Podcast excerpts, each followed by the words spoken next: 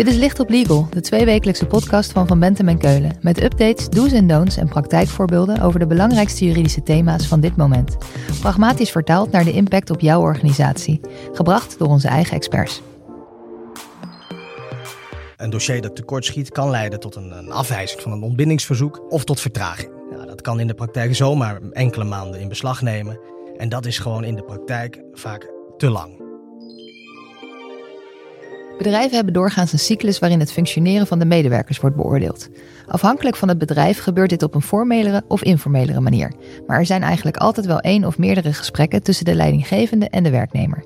Soms over het functioneren, maar soms ook over ongewenst gedrag waarop een werknemer wordt aangesproken. Het vastleggen van wat er besproken wordt, dat wordt in de drukte van de dag nog wel eens vergeten. Waarom juist dat zo belangrijk is, daarover praten we in deze Licht op Legal met Nino Solisa. Hij stelt zich even voor. Ik ben Nino Solisa en ik ben advocaat in het team Arbeid en Pensioen. En als arbeidsrechtadvocaat adviseert en procedeert Nino vaak over de beëindiging van arbeidsovereenkomsten. Of het nu gaat om dysfunctioneren of om het vertonen van ongewenst gedrag, een goed aangelegd dossier is altijd van groot belang. Nino, om te beginnen. Er wordt vaak gesproken over dossiervorming, maar wat is dat precies? Ja, aan dat woord dossiervorming, ja, daar hangt vaak een beetje een negatieve bijsmaak aan. Er bestaat het beeld dat dossiervorming een, een, actie is, een trucje dat een werkgever gaat uitvoeren op het moment dat hij al heeft besloten dat hij van een werknemer af wil komen. We gaan aan dossiervorming doen, wordt er dan gezegd. Maar wat mij betreft in ons gesprek vandaag, in deze podcast gaat dossiervorming over de vastlegging van het dossier in het algemeen van het personeelsdossier. Bijvoorbeeld het opslaan van de jaarlijkse beoordelingsverslagen, ook wanneer die beoordeling hartstikke positief is. Precies. En als je het dan hebt over het beoordelen van werknemers en daarover een dossier bijhouden, zijn daar wettelijke regels over? Het klinkt wel alsof dat zo zou moeten zijn. Ja, dat klinkt misschien zo, maar er zijn eigenlijk geen wettelijke regels over het voeren van eh, beoordelingsgesprekken. Wel zijn er soms regels opgenomen in cao's of in personeelshandboeken van bedrijven over beoordelingen en over waarschuwingen. Eh, daarin staat dan bijvoorbeeld hoe vaak je beoordelingsgesprekken moet voeren of hoe je de verslaglegging daarvan moet doen. Maar er is dus niet een wettelijke plicht om te beoordelen. En ook het woord waarschuwing komt in de hele wet niet voor. En dat het belangrijk is om dat wel goed te doen, dossiervorming, dat komt eigenlijk voort uit de rechtspraak over ontslagzaken. Ja, want het is dus wel echt belangrijk om te doen. Zeker. Um, als je als werkgever op een gegeven moment de rechter vraagt om een arbeidsovereenkomst te beëindigen, ja, dan zal die rechter de reden voor dat ontslag toetsen aan de hand van het door jou als werkgever opgebouwde dossier. En daarnaast zal die rechter beoordelen of de werkgever bepaalde stappen wel heeft genomen. Um, dus dat is gewoon ontzettend belangrijk. En ook als je niet naar die rechter gaat, maar bijvoorbeeld met een werknemer onderhandelt over een beëindigingsregeling, um, of wanneer je een werknemer een ontslag op staande voet geeft, is het enorm belangrijk om je dossier op orde te hebben. Inderdaad, want deze dingen gaan altijd goed totdat het niet meer goed gaat. En juist dan is het belangrijk dat er ook een concreet dossier is waar je als werkgever uit kan putten. Ja, bijvoorbeeld bij gevallen van dysfunctioneren, waarbij je als werkgever vindt dat een werknemer het niet goed genoeg doet. dat moet je als werkgever natuurlijk beoordelen, dat functioneren. En daarbij heb je best wel een, mooie vrije beoordelingsruimte. Het is zo dat functioneren is natuurlijk niet altijd zwart-wit. Je kunt het ook niet altijd meten.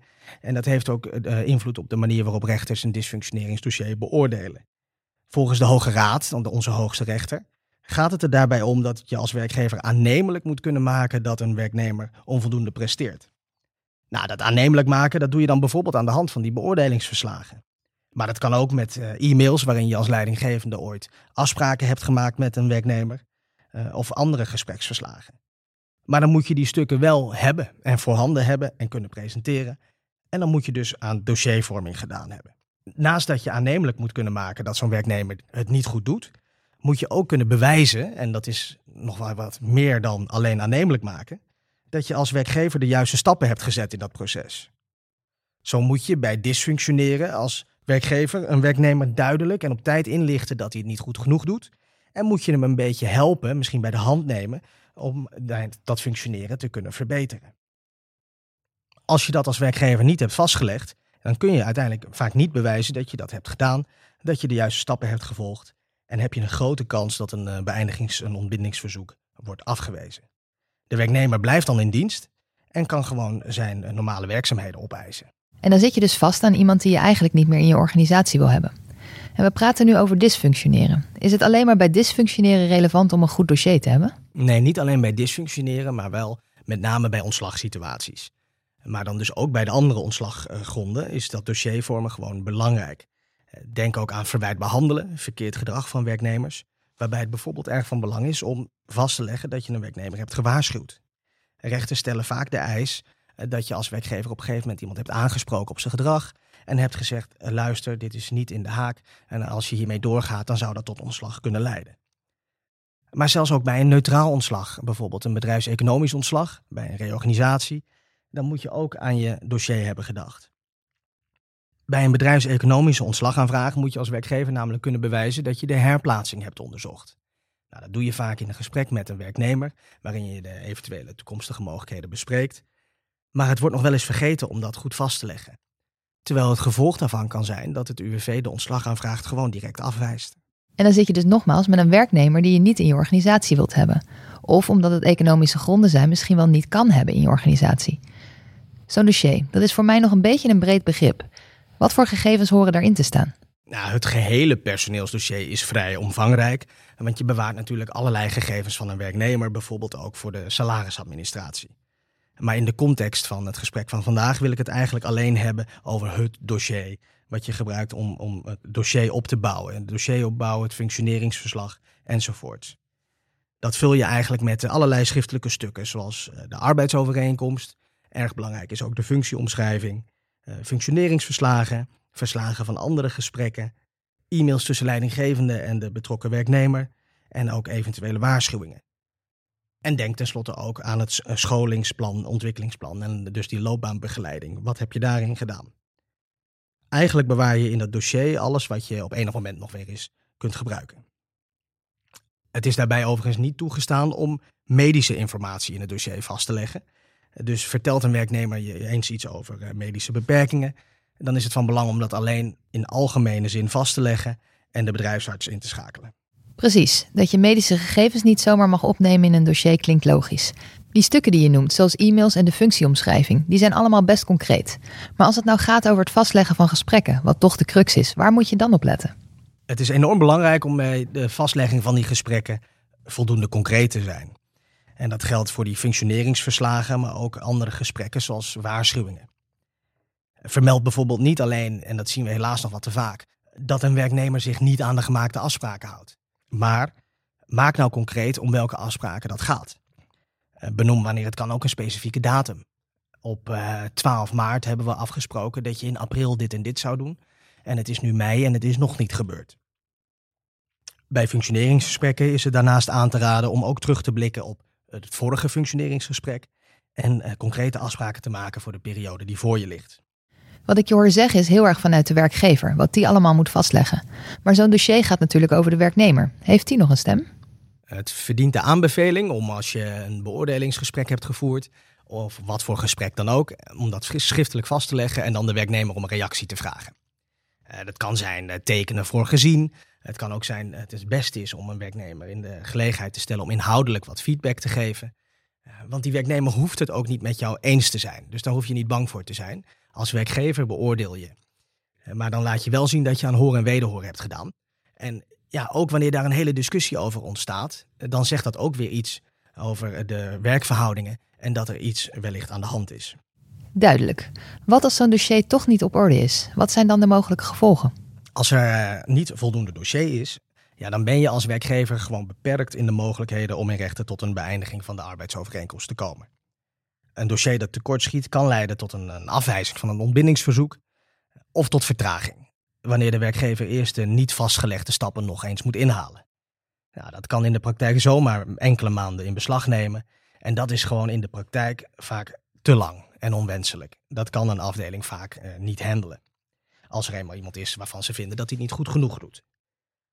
Zonder dossier kun je natuurlijk nog wel met een werknemer onderhandelen buiten rechten over een eh, beëindigingsregeling. Maar ook in dat soort discussies is het wel fijn om een goed dossier te hebben, omdat uit de praktijk wij leren dat een tekortschietend dossier in zulke onderhandelingen een prijsopdrijvend effect heeft.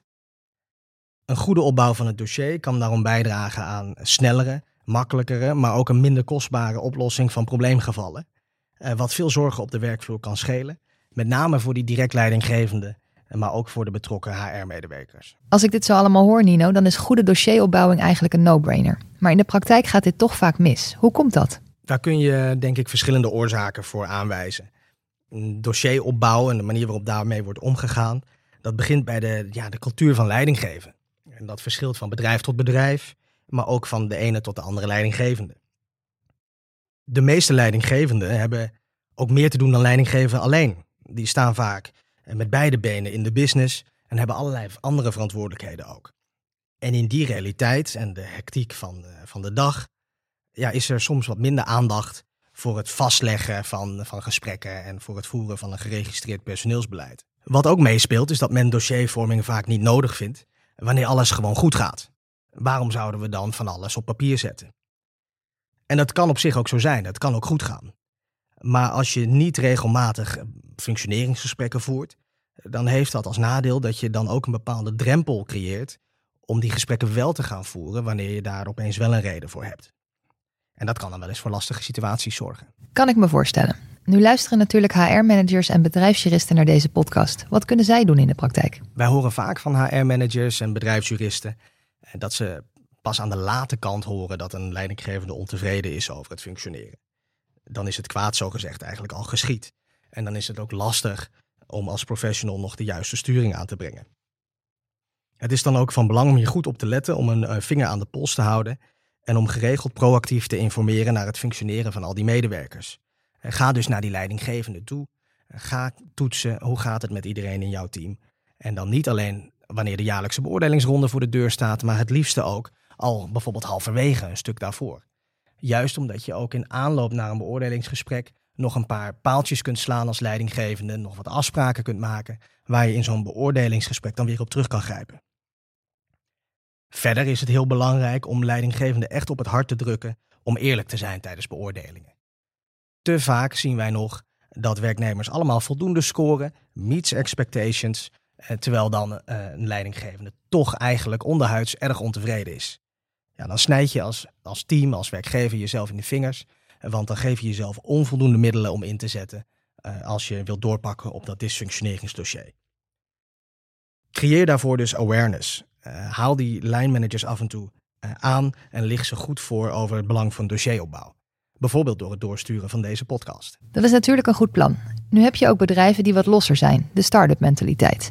Niet twee keer per jaar beoordelen, maar veel informeler. Iedere week bijpraten met een kopje koffie. Het nieuwe beoordelen. Hoe ga je daar dan mee om? Dat zie je inderdaad steeds meer. Hè? Bedrijven hebben allerlei nieuwe vormen van beoordelen en feedback geven. Eh, van 360 graden feedback. Eh, sommige bedrijven hebben zelfs eh, het gehele beoordelingsgesprek afgeschaft. Daarin zijn allerlei nieuwe methodieken in ontwikkeling. En dat kan ook allemaal heel goed werken, daar geloof ik ook zeker in. Maar vanuit juridisch perspectief moet je in ieder geval voor ogen houden dat het ontzettend belangrijk is om dingen vast te leggen. Op wat voor manier je het ook besproken hebt, uiteindelijk zul je wat dingen moeten vastleggen om daar later uit te kunnen putten. Tegelijkertijd begrijp ik ook dat het het hele concept van continu feedback een beetje teniet doet. Als je elke week met elkaar een kopje koffie drinkt om wat te bespreken en dan aan het einde een heel gespreksverslag krijgt. Dus het lijkt dan ook goed om een combinatie te maken. Waarbij je dat continue feedback eh, toepast, maar ook eens in de zoveel tijd vastlegt wat je nou precies besproken hebt. Dat kan dan zijn in een, jaarlijks eh, beoordelingsgesprek, wat meer traditioneel. Maar je kunt ook denken aan een manier waarop je bijvoorbeeld elk kwartaal even de hoofdpunten uit die koffiegesprekjes op een rij zet en aan de werknemer verstuurt. Dus als leidinggevende moet je wel op de achtergrond bijhouden wat we dan allemaal hebben besproken. Je kunt ook overwegen om alleen maar dingen vast te gaan leggen wanneer er echt kritiek is op het functioneren. Maar dat maakt die vastlegging dan wel direct vrij beladen. Maar waar het dus uiteindelijk om gaat, dat is de takeaway, is dat je als werkgever moet kunnen bewijzen dat je een werknemer concreet op de hoogte hebt gebracht van klachten over zijn functioneren. En dat je ook nog kunt aantonen wat je als werkgever hebt gedaan om dat functioneren vervolgens te kunnen verbeteren. En hoe je die werknemer een beetje aan de hand hebt genomen. Komt het dan op een gegeven moment tot een rechtszaak, dan geldt daarbij, praktisch gezien, dat wat je niet hebt opgeschreven niet is gebeurd. Dus je wil vastleggen wat je met die medewerker hebt besproken. Zeker als dat verbeterpunten zijn. Dus hoe dan ook op de een of andere manier dingen vastleggen. Nino, als er nou één ding is waar ik als HR-manager of bedrijfsjurist direct mee aan de slag moet, wat is dat? Probeer ervoor te zorgen dat die lijnmanagers en die teamleiders dat die bij de eerste de beste twijfel over het functioneren van een medewerker bij jou aan de bel trekken.